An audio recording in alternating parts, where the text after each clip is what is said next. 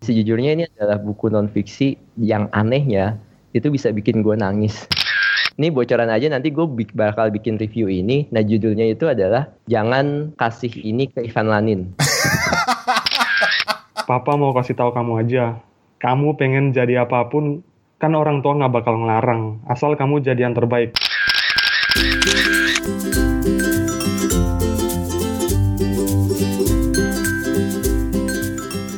Assalamualaikum.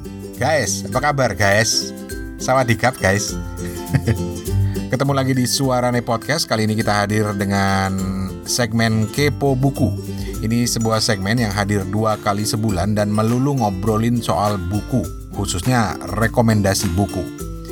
Nama gue Rane Hafid dan gue ditemenin seperti biasa sama co-host Kepo Buku yaitu Steven Sitongan dari Ambon. Jauh-jauh di Ambon Manise sana dan satu lagi sayang co-hostnya Om Toto lagi berhalangan. Om Toto ini ada di Singapura, cuma dia lagi pergi katanya lagi ada cuti apa gimana gitu lah.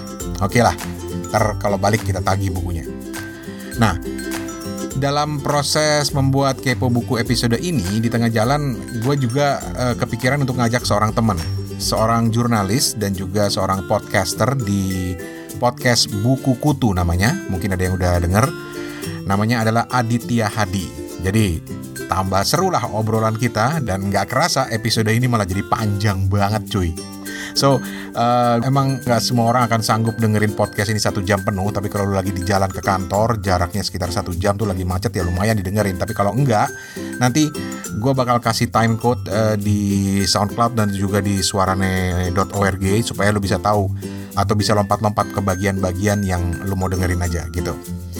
Oh ya, di episode ini kita juga bakal ngumumin siapa yang mendapatkan hadiah buku dari Kesatria Buku. Ini sponsor Kepo Buku. Ada 12.000 orang kalau nggak salah yang mengirimkan email. ya ya ya ya, 12 12 orang yang ngirim email. Uh, dan siapa yang nanti kita pilih untuk mendapatkan hadiah buku ini ditungguin aja di episode ini. Oke lah, langsung aja kita mulai dengan Steven yang akan bagi rekomendasi bukunya. Uh, buku yang baru terbit, masih anget cuy, baru terbit 1 Februari. Terus diikutin dengan gue, gue akan bagi satu rekomendasi buku. Kalau ini buku lama yang belakangan jadi gue baca ulang lagi dengan satu alasan dan gue pikir ini menarik untuk di-share buat yang lainnya.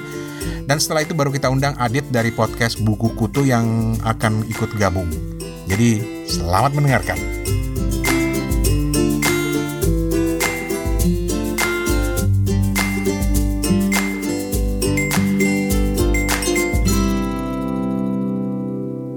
Oke, malam ini kita bakal ngebahas beberapa buku asik yang mungkin bisa teman-teman jadi rekomendasi. Betul sekali dan juga nanti di akhir kita akan umumin siapa yang akan mendapatkan hadiah buku uh, dari Kepo buku pertama dan kedua. Iya. Gitu. Oke. Okay. Ya, yang pertama yang pertama nih, aku ada buku terbarunya Raditya Dika, Bang, yang judulnya Ubur-ubur lembur ini baru terbit 1 Februari kemarin. Mm -hmm. Benar-benar mm -hmm. masih panas nih. Penerbit Gagas Media. Raditya Dika kan kita tahu dia udah jadi stand up comedian. Sebelumnya kan dia jadi penulis, blogger, blogger. Nah, setelah beberapa tahun dia sibuk syuting, jadi sutradara gitu-gitu dia ngumpulin materi-materi tulisannya, jadi deh ubur-ubur lembur. Ubur-ubur lembur? Mm -mm, materinya. Oke, okay uh, sebelum kita ngupas ke dalam isi bukunya sendiri, ini ini ini apa sih novel atau kalau Raditya Dika kan dulu mulai dengan Kambing Jantan tuh. Kambing Jantan ya, ya Pertamanya betul. yang merupakan koleksi dari tulisan-tulisan dia di blog. Tulisan di blog. Iya. Nah, terus kemudian ada, bikin buku-buku lainnya. Nah, yang sekarang ini ubur-ubur lembur nih apa nih? Novel atau apa? Ubur-ubur lembur nih ini kumpulan cerita gitu, Bang. Cerita komedi gitu. Tapi komedinya ini kayak gimana ya? Uh, pengalaman sehari-hari dia yang itu dijadiin cerita yang uh, realita gitu, realita kehidupan sehari-harinya si si Dika. Jadi dia uh, tulisannya lepasan-lepasan ya, bukan satu novel panjang gitu ya? Bukan, bukan. Tapi benar-benar asik buat kita baca. Okay. Kalau memang fansnya Raditya Dika sih. Oke. Okay. Tapi ini benar-benar benar-benar relate lah sama orang-orang zaman now gitu. Oke. Okay ya hmm. udah kebayang deh gaya tulisannya Raditya Dika kayak apa. Iya. Tapi sekarang kita kita kita kita bedah bukunya. Uh, uh, uh, mungkin ada contoh-contoh uh, atau daftar isinya dulu lah. Gue kalau ngeliat buku selalu ke daftar isi dulu. Apa sih? Pasti yang kebayang adalah judul-judul tulisan-tulisannya ya. Iya iya iya. Uh, daftar isinya nih ada yang pertama dua orang yang berubah pada sebuah kebun binatang. Ceritanya nih si Dika sama temannya jalan nih di kebun binatang nih. Tapi ya itu si temannya ini akhirnya balikan lagi sama mantannya di kebun binatang nih. Si Dikanya jadi kayak nyamuk gitu. terus mata ketemu mata, terus balada minta foto. Biasa nih artis ya. Raja di sekolah. Uh-huh. Terus ada lagi di bawah mendung yang sama, rumah yang terlewat, ada tempat syuting horor. Ini kejadian-kejadian horor yang dia sebelumnya kan dia memang nggak percaya gitu kan, percaya nggak percaya gitu. Tapi waktu dia syuting film Hangout, di kawasan apa gitu terpencil ya kejadian gitu terus percakapan dengan seorang artis ceritanya dia lagi jalan uh, lagi nongkrong sama Prilly Latukonsina nih bang ah, sedap. terus curhatan soal Instagram zaman now terus percakapan dengan seorang anak yang ingin jadi artis oke okay. Terus ketiga terakhir korban tak sampai, penyesalan itu nikmat dan ubur-ubur lembur, pamungkasnya nih. Oke. Okay. Jadi benar-benar kisah kisah sehariannya dia, dia ngeliat kehidupan dia sebagai seorang artis yang juga seorang ya memasuki umur om-om sih kata dia bilang itu benar-benar ya udah udah benar ini udah benar-benar lebih mature aja sih Raditya Dikanya. Gitu. Jadi menarik ya uh, kalau hmm. kita uh, rangkum apa kalau kita lihat ke belakang buku-bukunya Raditya dimulai dari buku tentang blognya terus buku-bukunya yang lain sampai sekarang. Jadi sepertinya koreksi gue kalau salah ya Steven ya, tapi buku yang sekarang ini iya uh, lebih bicara dari pengalaman dia setelah dia jadi terkenal gitu ya? Iya betul. Oke. Okay. Exactly. Ini nih salah satunya nih, salah satunya aku kasih kasih teasernya di dua orang yang berubah nih. Oke okay, oke okay, oke. Okay. Ini pamungkas-pamungkasnya nih kayak cerita-cerita pendek gitu kan, endingnya yang nendang gitu. Oke. Okay. Kayak gini kayak gini. Cowok dan cewek memang memiliki cara yang berbeda. Nggak hanya ketika menghadapi kawan yang tengah patah hati, tetapi juga ketika mereka sendiri berurusan dengan cinta, sedang jatuh cinta ataupun patah hati. Meskipun cara mereka berbeda, keduanya ternyata punya kesamaan, sama-sama bisa buta. Asik. Sedap. Buta. Eh, Raditya Dika ini memang punya ciri khas sih. Gua gue jujur gue dari semua bukunya mm -hmm. gue baru baca yang kambing jantan. Itu pun sebenarnya gue baca karena gue dulu rutin baca blog dia. Hmm, iya iya iya jadi penasaran pengen pengen lihat tulisannya. Tulisannya memang kocak kocak banget gitu. Dan uh, ketika lu bacain sekilas tadi buku terbarunya gak stylenya itu masih sama kurang lebih ya dengan kata-kata kocaknya. Uh, tapi kesan lu sendiri gimana dari buku terbaru Radit Raditya Dika ini? Baru nongol awal Februari ya? Iya iya iya. Jadi benar-benar kayak kita nungguin bulan Februari itu cuma buat nungguin ubur-ubur lembur gitu. Lu termasuk yang nungguin ya? Iya, iya, ya. Bukan nunggu Chinese New Year-nya, bukan nunggu Valentine-nya gitu, Bang. aduh, aduh. Susah dah kalau orang gila buku.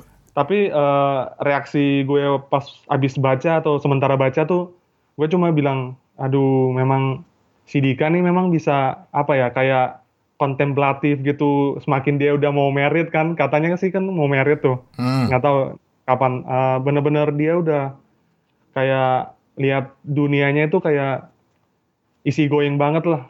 Bener-bener kayak dia menikmati banget apa yang dia kerjain terus uh, kayak jadi artis juga tuh kayak dunia yang di satu sisi memang kita lihat kayak wah banget tapi menurut dia ya nggak terlalu wah wah juga. Tapi ada untungnya sih katanya kalau dia jadi artis gitu. Salah satunya kan yang di itu tuh, yang di yang di bab korban tak sampai. Nah ceritanya kan si Raditya Dika malam-malam tuh balik ke rumah dipepet sama motor berempat. Pas si Raditya Dikanya turun, eh ternyata si pengemudi motornya nih ini kenal sama dia, Bang Raditya Dika ya. Terus dia ya udah bang minta foto bang minta foto ya udah cek eh, buset. cekrek cekrek ya udah balik sampai di rumah ditanyain kok gimana itunya ya ternyata itu modus-modus yang sama mobil-mobil yang di kompleknya si Dika itu okay. kejadian mobilnya di Kompas gitu ceritanya. Modus modus perampokan. Dipalakin ya, dimintain duit ya. Iya, tapi karena itu karena famous saking famousnya ya korban tak sampai gitu. Terus ada lagi, terus ada lagi nih uh, yang mm-hmm. uh, aku paling suka nih quote-quote-nya nih. Hmm, yang ini, yang ini, yang ini. Kan ceritanya dia dia ditanyain kan sama bapaknya, gimana rencana Dika? Nggak tahu pak, mau lulus SMA dengan nilai bagus aja gitu, katanya si Dika nih. Terus terus bokapnya menghela nafas, tulisannya ya, dia memegang pundak gue, Dik, Papa mau kasih tahu kamu aja, kamu pengen jadi apa pun kan orang tua nggak bakal ngelarang asal kamu jadi yang terbaik nah ini nih nah ini just do what you do best and money will come by itself Cakep. gila nggak si bapaknya Radit nih cakep just do what you do best and money will come by itself mm -hmm. oke okay. keren juga keren juga iya yeah. oke okay. ini menarik nih uh, gue akan coba baca juga dan mungkin teman-teman yang lagi dengerin mungkin tertarik atau malah sudah nunggu bukunya ya, silakan dicoba. Gue sih sendiri uh, pernah bertemu dengan Raditya Dika di awal-awal dia baru mulai ngetop waktu itu. Mm-hmm. ketika gue ngisi di wawancara di wawancara nggak? Nggak nggak nggak nggak wawancara. Gue malah ngeliatnya waktu itu ini aneh banget nih orang gitu loh. Jadi kita tuh waktu itu sama-sama ngisi sesi workshop blogging di Surabaya Unair kalau nggak salah ya. Mm anak-anak teknik Unair. Unair, Uh, terus uh, sesi gua itu setelah sesinya dia gitu loh. Jadi gua ngisi sesi dulu tentang jurnalisme dan blogging gitu kan, terus yeah, yeah. ngobrol lah panjang lebar. Setelah itu Raditya Dika dan yang bikin gua kaget dia memulai talknya itu dengan teriak gitu loh kayak artis halo semua apa kabar? Gitu. Terus di, di, di gue gak terlalu merhatiin ya karena gue lagi asik ngobrol sama panitia walaupun gue duduk di depan gitu tapi lagi asik ngobrol sama panitia. Iya, iya. tiba-tiba tuh gak begitu gue noleh ke panggung dia lagi kayang di atas meja di panggung. Aduh keren keren keren. Aneh banget tuh aneh banget. Tapi di situ gue mulai ngikutin oh ternyata menarik nih. Uh, akhirnya gue mulai baca blognya akhirnya baca bukunya dan lain sebagainya. Oke okay, mm -hmm. itu dia ubur-ubur apa tadi judulnya? Ubur-ubur lembur. Ubur-ubur lembur. Nah, oke. Okay. Kenapa ini? Ya itu. Ubur-ubur lembur. Kenapa ubur-ubur ya? Ya, ubur-ubur lembur tuh maksudnya si Dika tuh biar biar kita kerja sesuai passion lah. Jangan jadi budak korporat gitu. Tit. maaf maaf kalau ada yang ada yang ada yang tersinggung. Maaf maaf. Eh, gue budak korporat.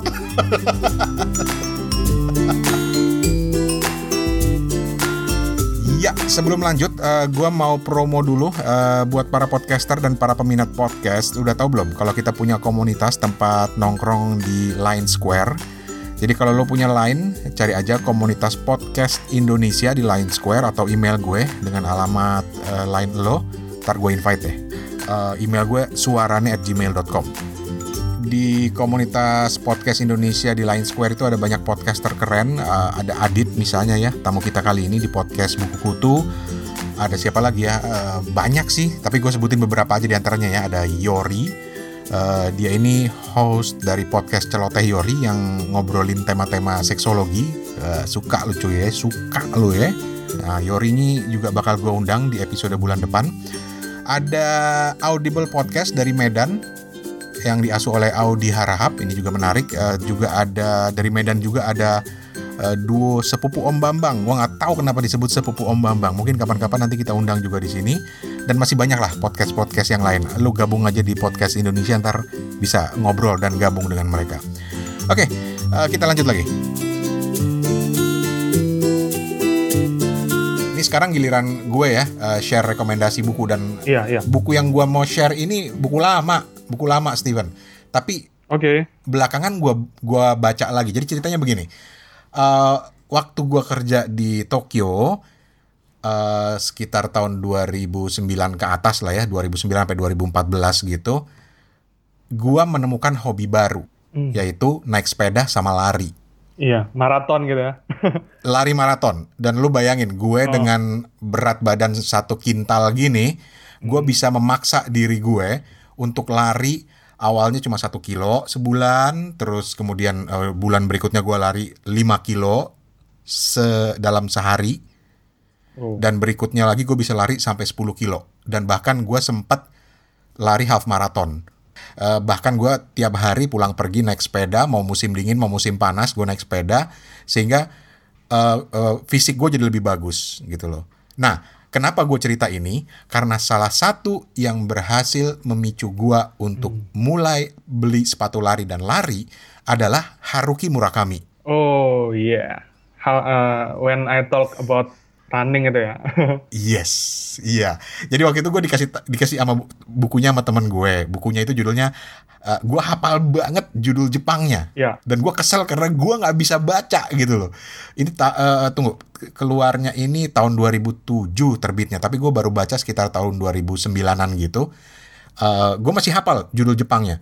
Hashiru koto ni tsuite kataru toki ni boku no kataru koto. Oh, panjang banget ya. Yang artinya what I talk about when I talk about running gitu. Jadi uh, apa yang saya bicarakan ketika saya sedang bicara tentang lari. Dan mungkin uh, para penggemar Murakami yang teman-teman yang dengar yang baru mulai membaca Haruki Murakami si penulis Jepang ini mungkin akan uh, belum tahu bahwa Haruki ini juga dikenal sebagai seorang uh, hmm. pelari maraton. Uh, dia itu lari maraton mulai itu sekitar umur 33 atau 34 tahun gitu baru mulai lari dan dia menuangkan pengalamannya itu dalam buku ini dan gue ngebayangin bahwa ketika Murakami yang tulisannya itu keren banget hmm. buat gue ya kemudian membuat tulisan tentang uh, membuat buku tentang lari gue penasaran dan orang yang gila Murakami pun penasaran makanya gue bisa tebak buku ini laris di Jepang waktu itu adalah sampai orang antri kok antri hmm. waktu pertama kali keluar orang beli ini karena mereka tertarik pada Murakaminya. Kenapa Murakami cerita tentang lari, lari maraton gitu? Iya, kadang-kadang sebuah sebuah buku tuh uh, bisa menarik karena kita tahu siapa penulisnya, bukan karena isinya gitu kan, bang?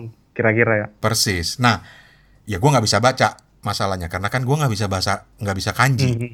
Jadi gue senang banget ketika ketemu kemudian ketemu, uh, dapat ya terjemahannya dan ter, penerjemahnya juga keren banget karena dia adalah salah seorang penerjemah buku-buku uh. novel-novel Murakami yaitu Philip Gabriel. Uh.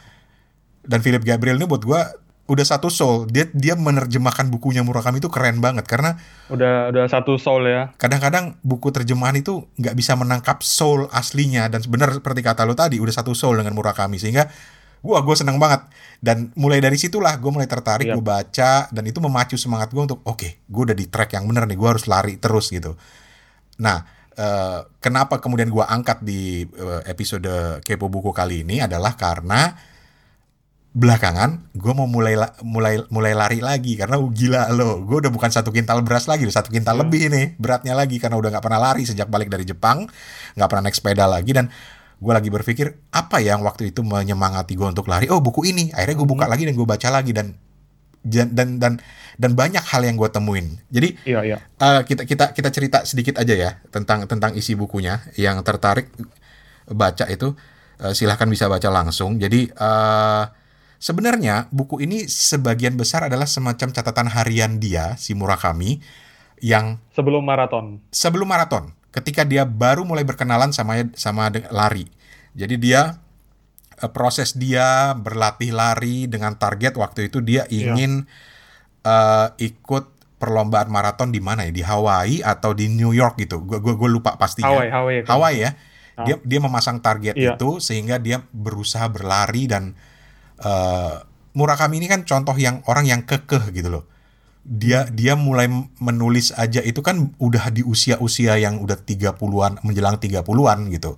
Jadi prosesnya itu dia ceritakan bagaimana dia latihan lari up, bukan hanya sekedar buku tentang bagaimana caranya berlari maraton itu tuh bukan itu bukan banget gitu tapi dia cerita tentang proses uh, yang ada dalam pikiran dia mindset dia ketika dia akan berlari dan bagaimana berlari iya. itu membuat dia me, me, apa ya mendapatkan sesuatu secara kejiwaan uh, terus kemudian hmm. yang yang menarik buat gue adalah gue itu kalau gue itu orangnya bosenan Steven jadi kalau gue lari gue inget banget hmm. waktu dulu gue lari itu uh, bukan karena gue kehabisan tenaga gitu tapi karena gue bosen bosan di tengah-tengah jalan gitu. Ya? Bosan di tengah jalan.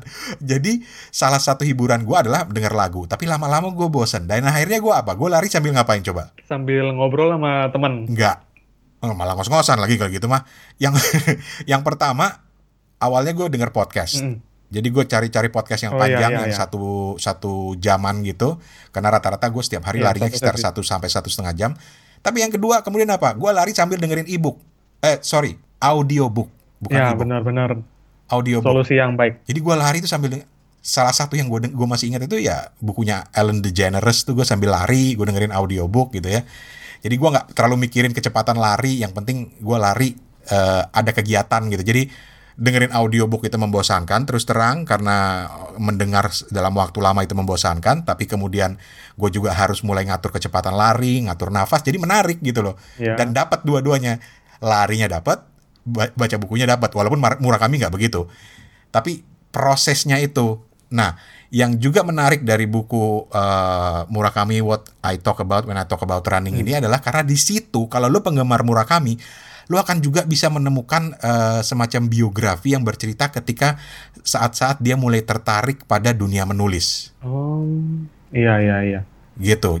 Jadi Murakami itu nggak yang menarik dari Murakami ini dia bukan menulis itu dia bukan belajar dari awal mulai dengan tulisan-tulisan ringan segala enggak dia tiba-tiba lagi nonton uh, pertandingan softball gitu kalau gua nggak salah betul, softball betul. atau baseball ya gue lupa gue nggak bisa be tahu bedanya softball sama baseball tapi dia lagi nonton pertandingan terus tiba-tiba aja dia dapat iya. inspirasi gitu oh kayaknya gue mau nulis nih kayak dapat wahyu gitu ya kayak dapat wahyu men itu yang bikin gue tambah semangat gitu loh karena oh ini tipe orang yang oke okay, proses itu penting, tetapi yang terpenting adalah mindset lo dan dan mood hmm. yang tiba-tiba datang action. yang membuat action, yang membuat lo pengen nulis gitu loh.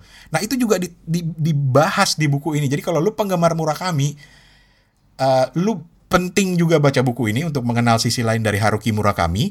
Dan kalau lo ya, suka lari, lo juga harus baca buku ini. Karena buat gue filosofi berlari itu ada di situ, ada pada Murakami. Hmm. Gitu. Dan itu yang memicu gue untuk akhirnya kayak misalnya Murakami memberikan target dia harus bisa uh, lari di maraton di Hawaii juga di New York. Dan gue menargetkan bahwa waktu itu gue harus bisa lari 10 uh, 10k di hmm. Tokyo Marathon walaupun gue gagal dapat uh, karena itu diundinya nggak dapat tapi kemudian gue ikut 10k lain di di di Tokyo yang 10k yang lebih kecil gitu dan kemudian uh, gue punya target pribadi gue harus bisa half marathon itu semua gue karena gue bayangin gue terpicu banget setelah gue baca bukunya Haruki Murakami yang ini. Nggak pernah kebayang bahwa seorang Murakami nulis buku tentang berlari. Oke, okay, itu. Terus satu satu terakhir yang gue mau bahas adalah ya. tentang uh, isinya, isi bukunya. Ya, Jadi ya. pembabakannya lah ya, biar biar dapat gitu. Misalnya uh, uh, bagian-bagiannya, misalnya dia cerita tentang uh, kecintaan dia pada musik, terutama Mick Jagger kepada jazz, terus kemudian uh, judul yang bab keduanya aja udah menarik buat gue tips on becoming a running novelist seorang novelis yang yang berlari yang berlari uh, uh.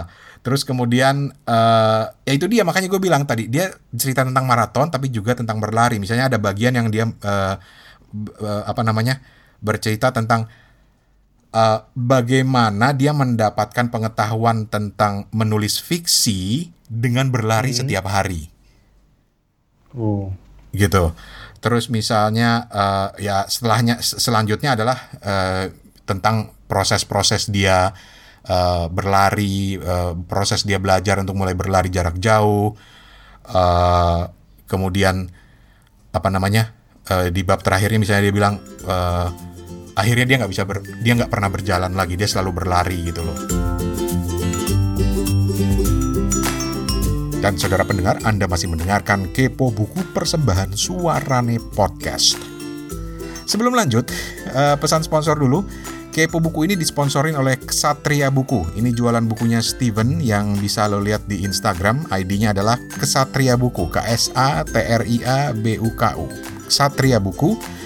Atau bisa juga lo lihat di Tokopedia, search aja Ksatria Buku Ambon dan satu hal aja yang perlu gue ceritain di sini, Kesatria buku ini pilihan bukunya keren-keren cuy. Keren banget, jaminanmu tuh dah. ya sekarang kita lanjut lagi. Uh, kita berdua sekarang akan ngobrol dengan Aditya Hadi, host podcast Buku Kutu. Nah, lu cari aja tuh Buku Kutu di SoundCloud atau di iTunes. Kenapa buku kutu dan bukan kutu buku atau buku kutuan atau kutuan buku? ya, lu dengerin aja sendiri deh. Oh ya, Steven nih kayaknya seneng banget begitu denger cerita gua mau ngajak Adit dan ternyata dia emang udah lama ngikutin sepak terjangnya Adit nih. Jadi seru lah ngobrolan kita kali ini.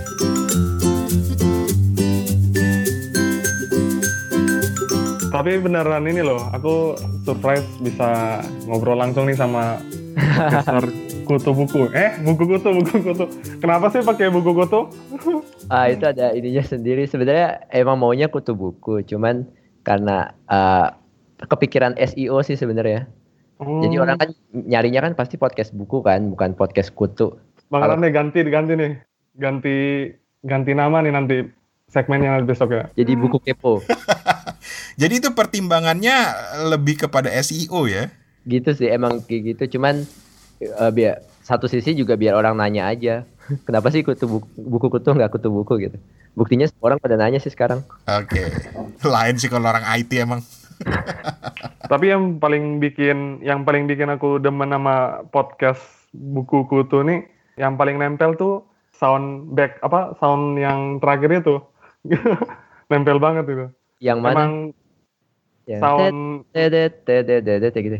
Uh, yang endingnya pokoknya oh. itu benar-benar nempel banget tuh. Kalau nggak tahu kalau Bang Rani gimana? Apa yang disuka dari podcast buku kutu?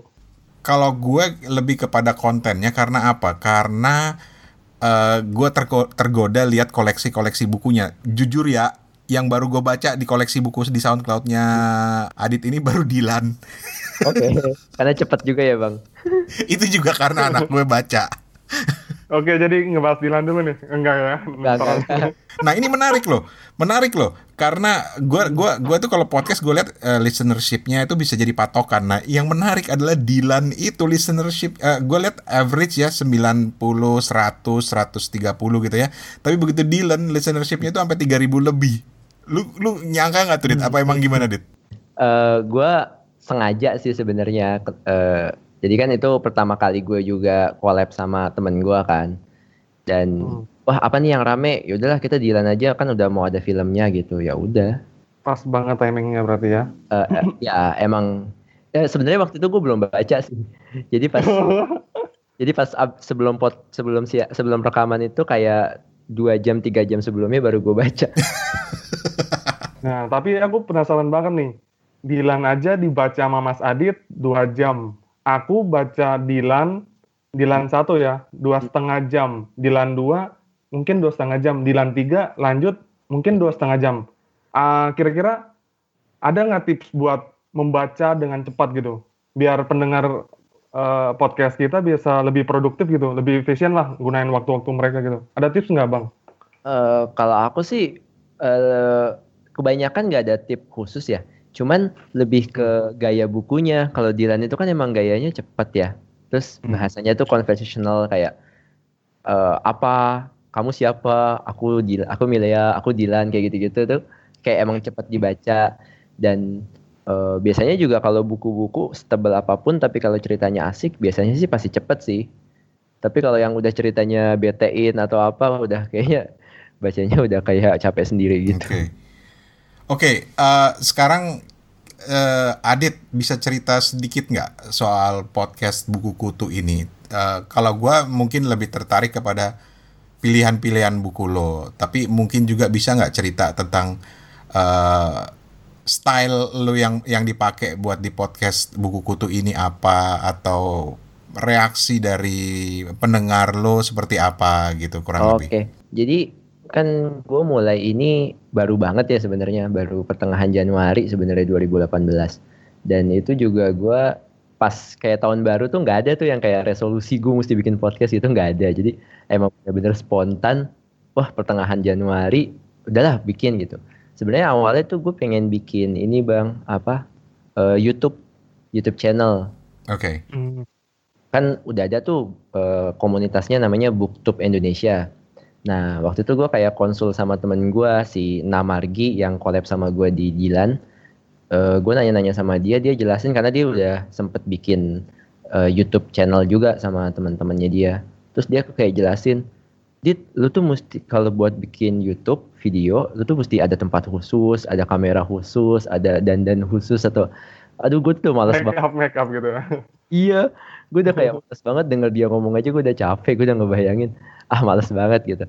Nah, kemudian awal-awal itu gue kayak ter gue gak lupa gimana ceritanya, pokoknya akhirnya gue nyampe ke podcastnya Bang Rane, podcastnya Adriano Colby, podcastnya Iqbal sebelumnya gue udah deng udah tahu juga, cuman uh, akhirnya gue dengerin lagi kayak banyak episode dia. Dari situ gue terinspirasi, oh kenapa gue nggak bikin podcast aja ya soal buku. Dan kebetulan gue baru kelar baca Artemis waktu itu yang buat episode pertama gue, ya udah langsung gue rekam saat itu juga, langsung gue publish gitu aja sih. Mm -hmm. uh, kalau pemilihan bukunya uh, sebenarnya gue masih belajar juga sebenarnya apa sih yang dipengenin sama pendengar uh, makanya waktu itu ketika Dilan mau keluar itu ya udah gue langsung kayak cepet-cepet sama temen gue eh yuk kita bikin uh, Dilan nih kayaknya rame terus yang Dilan pertama rame gue bikin juga Dilan kedua nah ini gue juga lagi on progress buat yang buku ketiga yang Milea mungkin gue juga akan ngelakuin hal yang sama di bulan depan itu ada juga buku fiksi yang rame banget dan mau ada filmnya judulnya Ready Player One. Mungkin gue juga akan bikin juga. Oke. Okay. Itu sih. Uh, sebelum kita lanjut ke buku, sedikit nyinggung soal podcastnya sendiri dari segi strategi lo. Karena dari pemilihan bukunya, hmm. kemudian gue lihat dari waktu keluarnya, waktu publishnya gitu ya. Strategi lu sendiri dalam berpodcast tentang buku ini apa sih? Ada strategi tersendiri nggak bagi rahasia sama teman-teman podcaster juga? Apa ya rahasianya? Jadi dari awal kan emang, dari awal emang gue ya udah just do it aja. Cuman banyak banyak eksperimen kali bang ya. Jadi awal, tuh gue sempet uh, ngerekam pakai HP. Abis itu gue ngerekam pakai uh, laptop gitu. Jadi disambungin ke ke headset. Abis itu gue rekam langsung dari situ Terus pernah juga gue ngerekam collab juga sama yang lain. Itu gue nggak pakai Skype waktu itu pakai Discord. Dan gue kayak bandingin gitu. Jadi sebenarnya kalau lihat dari episode 1 sampai episode 10 itu tuh sebenarnya semuanya eksperimen semua. Jadi kayak beda-beda. Oh ada yang terlalu kecil, ada yang terlalu gede, ada yang hmm. mungkin kalau berasa ada yang dengung kayak gitu. Mungkin itu sih eksperimen. Uh, apalagi ya.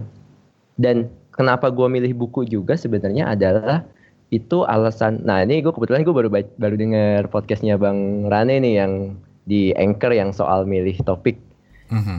milih topik yang kita suka milih topik yang kita tahu nah kebetulan karena gue taunya dan sukanya buku ya udah gue pilih aja uh, buku gitu. Jadi gue akan fokus ke buku. Kenapa? Karena uh, nanti kalau misalnya gue kehabisan bahan aduh mau podcast apa lagi? Ya udah gue tinggal kayak baca buku ambil buku apa pun gue baca selesai langsung bisa jadi bahan podcast. Kayak gitu sih. Asik. Nice nice nice. Oke, okay. Steven, lo ada pertanyaan nih. Steven nih lagi Star Trek banget nih bisa ketemu sama Adit. iya, benar-benar ini loh aku nungguin apa uh, rekomendasi-rekomendasi buku bisnisnya Tekin Asia gitu. Ya sebentar aku aku ramal nih nanti Bang Rani bakal dimasukin ke spotlight Tech in Asia lagi. Judulnya uh, booming apa uh, lahirnya podcast Indonesia again gitu. bisa bisa. Bu ditunggu aja nanti uh, terus kita ngobrol sedikit soal Adit karena Adit ini benar-benar book lover sejati. Gua kepoin blog lu akhirnya Dit dan ternyata lo memang uh, aktif di Good Readers, pernah menerjemahkan dua buku, The Red Pyramid dan The Quran A Biography. Oh ya. Uh, oh keren keren. Cerita lagi dong tentang diri lo. yang gua kepo baru segitu dapatnya. Oh iya, mungkin yang soal The Quran A Biography itu ada cerita menarik sebenarnya. Hmm. Di dulu uh, zamannya dulu zaman milis. Bang Rani sama Steven tahu nggak milis? Ingat lah jadi kan dulu ada zamannya milis kan di Yahoo Groups. Jadi gue join masuk ke salah satu milis yang berkaitan dengan sastra dan penulisan. Semua anggotanya terus tiap akun anggotanya itu gue masukin ke aplikasi chat. Waktu itu kan Yahoo Messenger. Mm -hmm. Ada Bang Ane, ada Bang Steven gitu. Gue masukin semua, halo, kenalin dong nama aku Adit, aku kuliah di sini waktu itu masih kuliah kayak gitu. Jadi gue chat-chat semua satu-satu tanpa intensi apa-apa. Tapi kemudian ada seorang editor yang waktu itu sih ngobrolnya masih santai ya. Cuman beberapa bulan kemudian kayak, eh Dit, lu kan kuliah di kampus yang pakai bahasa Inggris ya? Iya, lu bisa bantu gue kan nerjemahin buku ini. Akhirnya kayak gitu sih. Wow, oke. Okay. Terus uh, selain itu kegiatan lu sekarang apa, Dit? Lu seorang jurnalis ya? Ya, gue jurnalis di Tech Indonesia. Selain itu juga gue nggak nulis doang, jadi gue juga beberapa kali jadi moderator sama pembicara di acara yang berkaitan dengan startup. Kemudian apalagi gue bapak dari dua anak itu perlu dimasukin gak ya perlu dong Iya itu juga menyita waktu gue soalnya nggak bercanda. Iya gitu. Ya sekarang sekarang podcast sih. Oke. Okay. Aktif dengan podcastnya ya. Oke. Okay. Jadi yang mau ngecek ya. silakan ke SoundCloud itu ada podcast buku kutu namanya dan catchy banget dan nggak bak you won't hmm. miss it man buku kutu Senin Kamis Senin Kamis tiap Senin Kamis udah kayak puasa Ya. Oke, oke. Sekarang kita ngobrol buku karena kepo buku ini juga pasti ngobrolin uh, soal buku dan ide dasar dari kepo buku ini sebenarnya untuk kita mau coba kenalin dan rekomen buku-buku yang beragam. Nah, apakah buku-buku yang tergambar di podcast lo ini mewakili sosok seorang Adit dalam hal selera buku? Uh, sebenarnya bisa dibilang kayak gitu sih. Cuman gue jadi beberapa itu emang kayak fiksi ilmiah itu karena gue suka banget. Makanya banyak dari eh, episode-episode awal tuh banyak yang fiksi, fiksi ilmiah. Ada juga gue udah bikin dua non fiksi karena gue juga suka non fiksi tapi sebenarnya gue tipe orang yang lebih suka enggak sih ada at some point di hidup gue ada yang bilang kayak dit lu tuh nggak bisa kayak baca buku yang lu suka doang. Lu tuh harus kayak baca buku yang lain yang lu nggak tahu tapi sebenarnya itu bisa bikin lo suka gitu.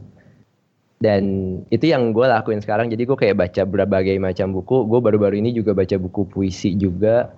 Baca buku metropop juga. Yang itu sebenarnya belum pernah gue baca sebelumnya. Jadi kayak gitu sih. Udah baca resign berarti? Resign. Uh, ya baru selesai. Bagus nggak? bagus nggak tuh? Uh, itu bakal gue review, cuman reviewnya gue mungkin rada-rada marah-marah sih. Kasih bocoran dong, kenapa lu marah-marah? Ceritanya gimana sih? Uh. Uh, ya, ini ini mungkin cerita. Jadi kebetulan buku yang baru banget gue selesaiin. Jadi buku sebenarnya lucu sih, gaya berceritanya tuh lucu. Jadi ceritanya tentang kantor konsultan di Jakarta.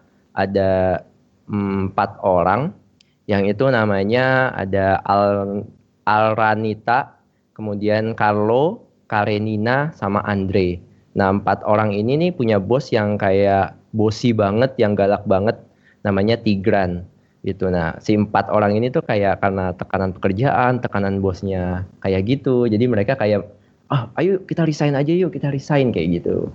Mungkin ini uh, uh, hal yang dirasakan oleh banyak orang di Jakarta terutama makanya mungkin itu yang bikin buku ini kayak laris banget bahkan sebelum dipublikasikan kalau nggak salah dia pre-order berapa puluh ribu gitu dan itu habis dalam waktu cepat gitu. Mm-hmm. Iya kayaknya booming banget gitu ya, lagi ya, hype. Banget. Gitu. Cuman nah ketika gue baca itu uh, gaya bercerita nggak semenarik uh, PD baik di Dylan dan gue nggak nggak naruh ekspektasi apa apa sih karena ini kayak metropop pertama yang, yang gue baca. Tapi di gue inget banget gue tandain di bukunya itu di halaman ke-19 gue udah bisa gue nebak, eh ini kayaknya endingnya bakal kayak gini, gini, gini. Dan itu persis uh, terjadi di akhir buku. Jadi bukunya tuh 288 halaman yang di gue di halaman 19 gue udah tahu endingnya kayak gimana tuh kayak nyebelin sih buat gue. udah kebayang nih keselnya tuh.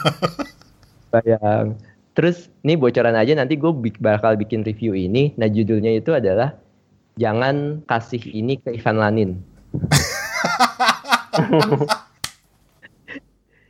Kalian mungkin kalau pendengar Bang Rani nggak tahu Ivan Lanin, Ivan Lanin itu adalah salah satu tokoh yang di Twitter dia rame, dia tuh suka ngebener-benerin uh, apa namanya kata-kata yang bahasa Inggris jadi bahasa Indonesia-nya padanannya apa kayak gitu kan ya. Uh, and and to be to be fair to Ivan Lanin, dia ini adalah seorang apa ya peminat bahasa, pengamat bahasa juga yang luar biasa aktif dan gaul banget di media sosial. Yes, betul. Idola, nah, idola, idola. Idola. Nah, kenapa gue bilang kayak gitu? Karena buku ini tuh kayak bener-bener mencampur adukan kayak gini, kayak kata langsung, kayak kata langsung, kayak kata ucapan gitu, itu dibikinnya nggak baku.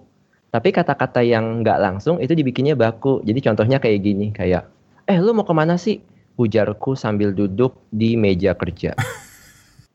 eh, ngapain lu kayak begitu? ujar dia sambil membetulkan rambutnya yang tengah kusut. Gitu jadi kayak aneh aja gitu gua. Ada yang baku, ada yang nggak baku. Terus yang ganggu gue lagi kedua itu adalah kata-kata bahasa Inggris yang kayak ditempatinnya kayak ngasal gitu. Mm-hmm. Ya anak zaman sekarang di Jakarta yang banyak Inggris-Inggrisan gitu. Tapi gue bacanya jadi nggak enak. Oke. Okay. To be fair kepada penulis bukunya si Almira Bastari ini, uh, apa menurut lo yang berbeda atau menonjol dari buku ini dari sisi positifnya? Setelah kita tadi ngomongin soal bahasanya dan marah-marah lo segala ya. macam gitu. Ya positifnya adalah buku ini gaya berceritanya menarik banget. Gue bilang uh, kalau bisa dibilang kalau buku Dilannya karangan PD baik itu lo bilang asik 100% nah buku Resignnya karangan Almira Bastari ini 80% lah jadi kayak arahnya sebenarnya menuju ke sana punya potensi sih sebenarnya. Oke. Okay. Steven.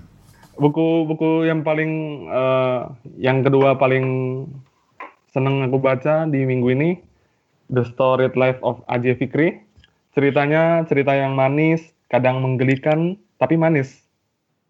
Terus Move Fast and Break Things, Jonathan Taplin.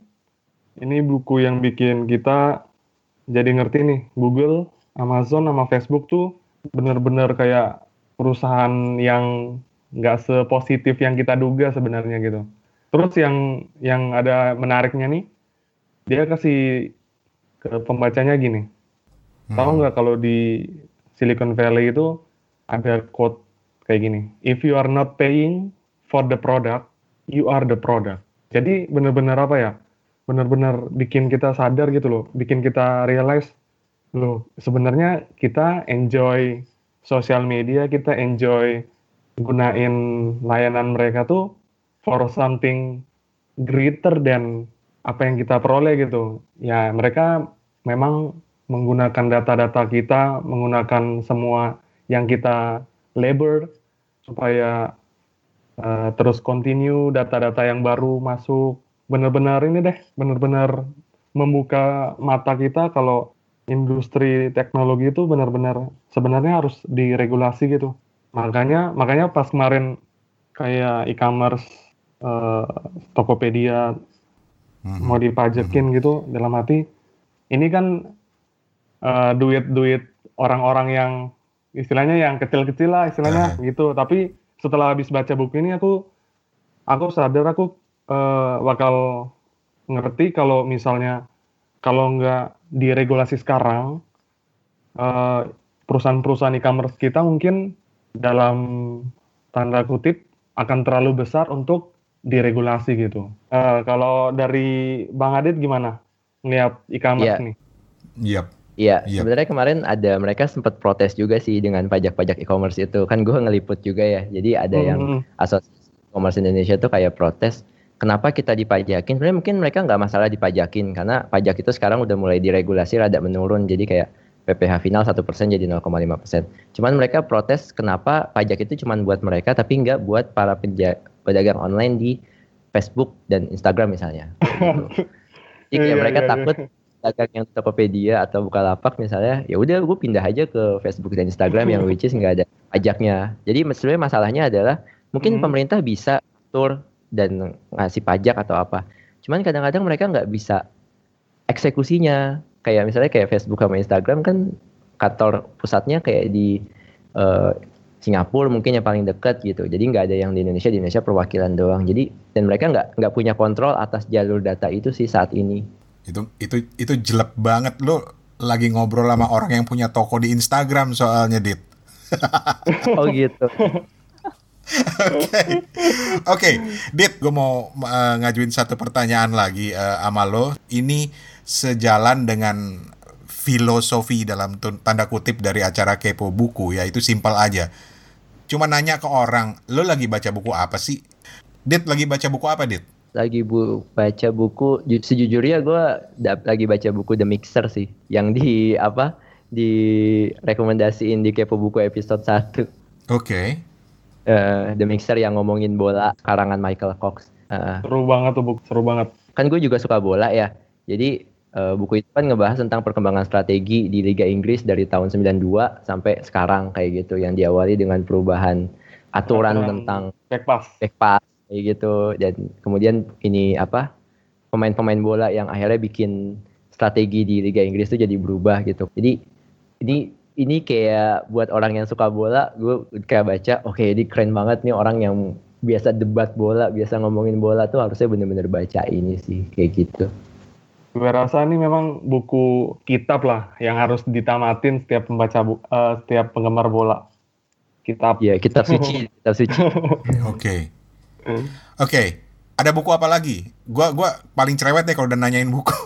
Ada satu buku sih yang sebenarnya uh, apa beberapa kayak kayak bulan terakhir gue udah cukup lama juga bacanya cuman ini kayak masih berkesan sampai sekarang ini adalah buku yang gue pilih ketika gue memutuskan untuk keluar dari zona nyaman oke gue nggak jangan baca buku fantasi buku fiksi kayak gitu lagi gue akhirnya hmm. baca buku yang judulnya The Jinn An Intimate History karya Siddhartha Mukherjee uh, ini bukunya berkisah ah. tentang ya sesuai namanya sesuai judulnya ya The Jinn gitu jadi tentang gen manusia gue kebayang gue nggak kebayang sih sebenarnya ini buku ceritain apa sih tapi hmm. sejujurnya ini adalah buku non fiksi yang anehnya itu bisa bikin gue nangis oke okay.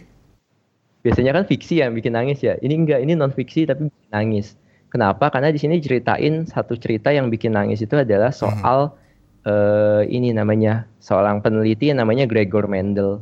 Jadi Gregor Mendel ini tahun 80-an, akhir tahun 80-an, itu dia punya penelitian. Dia yang itu loh bang kayak gabung-gabungin. Jadi bunga merah sama bunga putih itu jadinya apa gitu. Dan dia bener-bener tanam bunga itu.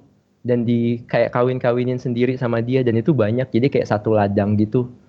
Uh, dia dia rawat sendiri sama beberapa orang lah gitu nah itu kemudian penelitian itu diajuin kayak ke mungkin kayak dewan tingginya lah gitu. Kayak uh, apa dewan akademis tinggi gitu.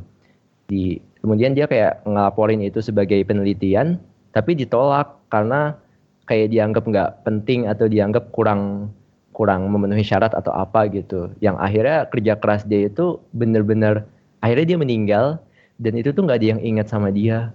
Dan kayak beberapa puluh tahun kemudian baru ada yang kayak ngulik-ngulik itu lagi dan wah ternyata ini udah ada loh yang neliti nice. di akhir tahun 80-an namanya okay. Gregor Mendel baru abis itu kayak namanya uh, keangkat uh. lagi itu kayak gue ah gitu kayak kayak apa ya manusia tuh kadang-kadang suka kayak menyepelekan hal-hal kecil yang sebenarnya penting itu sih yang gue kayak yang yang gue bikin nangis ketika gue baca buku ini. Oke. Okay. Steven, lo ada satu lagi pertanyaan buat Adit? Silahkan. Ya, sebagai seorang jurnalis, gimana sih membagi waktu antara membaca buku dalam skop pekerjaan untuk melengkapi penulisan berita, artikel di situs, sama membaca untuk have fun aja gitu, untuk uh, untuk mm -hmm. uh, pleasure, pleasure gitu. Gimana, Mas Adit? Ya, gue nggak tahu ya gimana tanggapan bos gue kalau dengar ini gitu. Tapi sebenarnya kayak kantor, kayak kantor gue sebenarnya lebih fleksibel kan. Iya, Jadi iya. kita nggak kantor jam jam 8 sampai jam 5 gitu. Kita juga kita ada kita media online tapi kita nggak kayak media mainstream yang kayak sehari mesti 9 sampai 10 artikel enggak gitu. Jadi lebih fleksibel baik jam kerja maupun load kerja. Jadi gue bisa kayak uh, oh hari ini gue udah selesaiin sekian tulisan, ya udah sisa waktunya gue baca gitu. Kemudian malamnya mungkin gue kerja lagi gitu. Tapi uh, ya biasanya kayak gitu sih. Jadi ketika gue emang kerja, oh ya gue gue kayak dulu gue kayak pecinta multitasking tapi sekarang gue kayak nggak nggak mau membuat diri gue multitasking gitu. Jadi ketika gue kerja, gue akan kerja terus sampai kerjaan gue selesai. Enggak peduli jam 2 atau jam 5, ya udah kalau udah selesai, gue langsung baca buku kayak gitu sih. Asik. Kayaknya gue ikutin ntar. Mudah-mudahan bos gue sebaik bos lo, Dit. Amin. Eh bos gue ada di ini juga, Line Square. eh, serius lo? Oh gue tahu nih bos lo siapa. Iya. ya udah, mudah-mudahan dia denger. Oke. Okay. Waduh, jahat. gak apa-apa, gak apa-apa kok. Podcaster juga ternyata bosnya. Oke. Okay. Um, dan silahkan buat yang mau dengerin uh, dan buat yang baru mulai dengerin podcast ini mungkin sampai ya karena di SoundCloud kan kadang-kadang suka loncat-loncatin aja nggak sabaran. Kalau lo uh, lagi dengerin ini uh, kita lagi ngobrol sama sama Aditya Hadi. Uh, dia ini adalah host di acara podcast Buku Kutu. Ya. Alamatnya di mana Dit kalau di podcast lo yang di SoundCloud? Ya, di soundcloud.com slash podcast buku. Oh, malah namanya podcast buku ya? Iya, jadi bener-bener gue ngincer SEO banget, Bang. SEO, Bang. Makanya kita harus ini. Iya. Segmennya harus diganti. Kayaknya kita perlu rekrut Adit jadi konsultan kita nih. uh, konsultan podcast gitu. Oke, okay. terus uh, itu bisa di uh, dicari di iTunes, di TuneIn, di Podbean, di Stitcher. Gila lengkap banget nih bener-bener orang IT nih. Terus uh, website lo, Dit? Ya, website gua ada dua, adityahadi.wordpress.com sama adityahadi.com. Oke. Okay. Uh, Facebook, Twitter, Instagram, Goodreads. Uh, Facebook bisa di facebook.com slash adityahadi page kemudian Instagram at Aditya Hadi, kalau Twitter at adheet underscore ya. Oke. Okay. Kalau Goodreads cari aja Aditya Hadi. Udah terkenal deh, gampang dapetnya itu mah. Udah Goodreads author juga, jadi page-nya udah kayak pengarang buku gitu, ya, biar keren.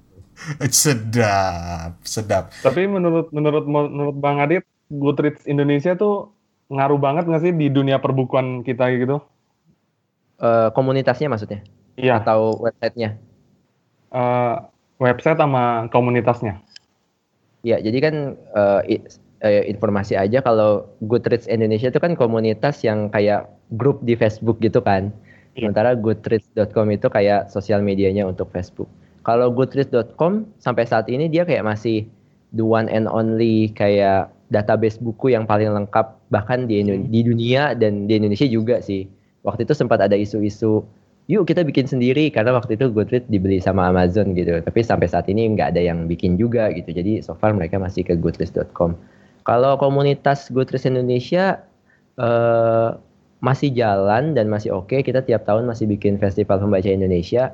Cuman emang kalau aku pribadi sih ngelihatnya komunitas buku di Indonesia tuh butuh gerakan yang lebih lebih lebih nggak apa ya nggak terpisah nggak terpisah ya lebih masif jadi nggak terpisah-pisah ke komunitas satu komunitas dua komunitas tiga kayak gitu sih hmm. hmm. oke okay.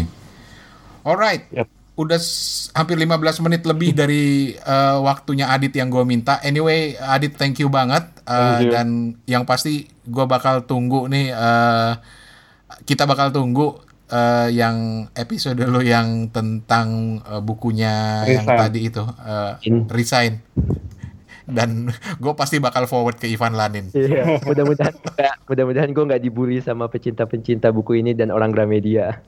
Oh gitu ya. sama netizen, netizen. Sama netizen. Itu resiko, Dit. Resiko profesi, Dit.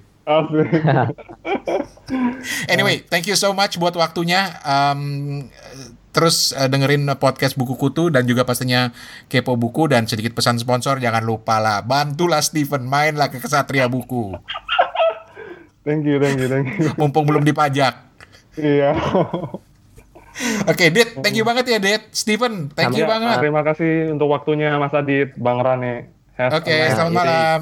Selamat malam. Yo, malam. Malam. Assalamualaikum. Salam.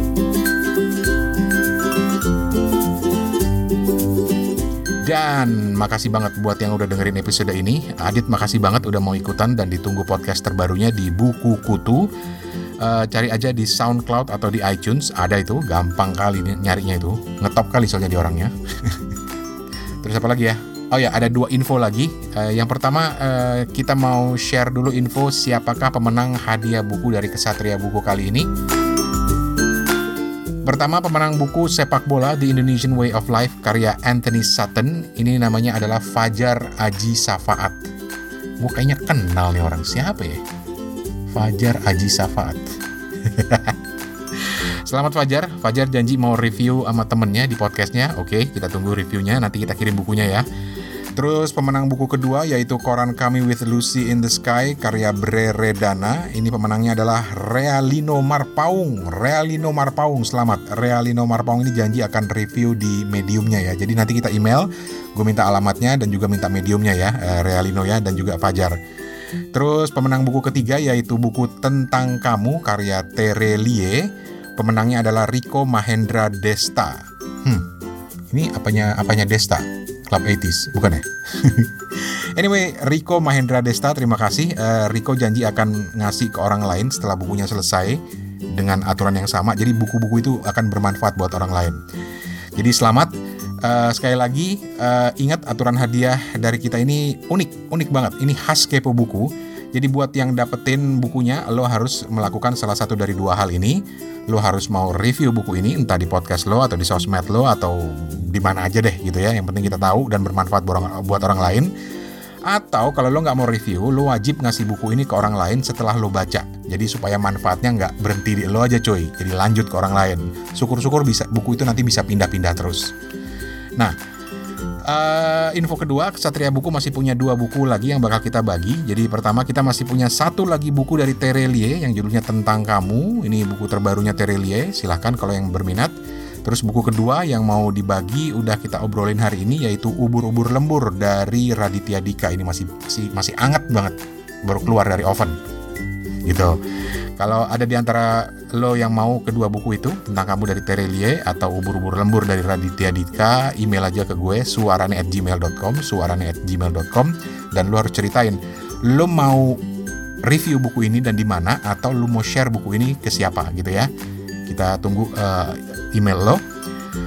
Dan apalagi ya? Oke, jangan lupa subscribe ke Suarane Podcast. Kita ada di iTunes atau di aplikasi podcast lain termasuk di SoundCloud, uh, di iOS juga ada, di Android ada keywordnya Suarane. Jangan lupa juga follow uh, medsos kita di Instagram atau Facebook sama keywordnya Suarane atau ke website kita di suarane.org.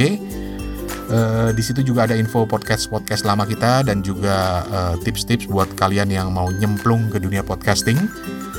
Uh, Suarane Podcast juga masih punya banyak topik-topik lain. Gue ada tamu yang namanya Bulia, seorang warga Italia yang mendirikan lembaga kajian Asia Tenggara di Bangkok. Ini lembaga kajian yang lain dari yang lain letaknya aja deket mall terkenal di Bangkok. Nah, itu aja udah udah keren tuh.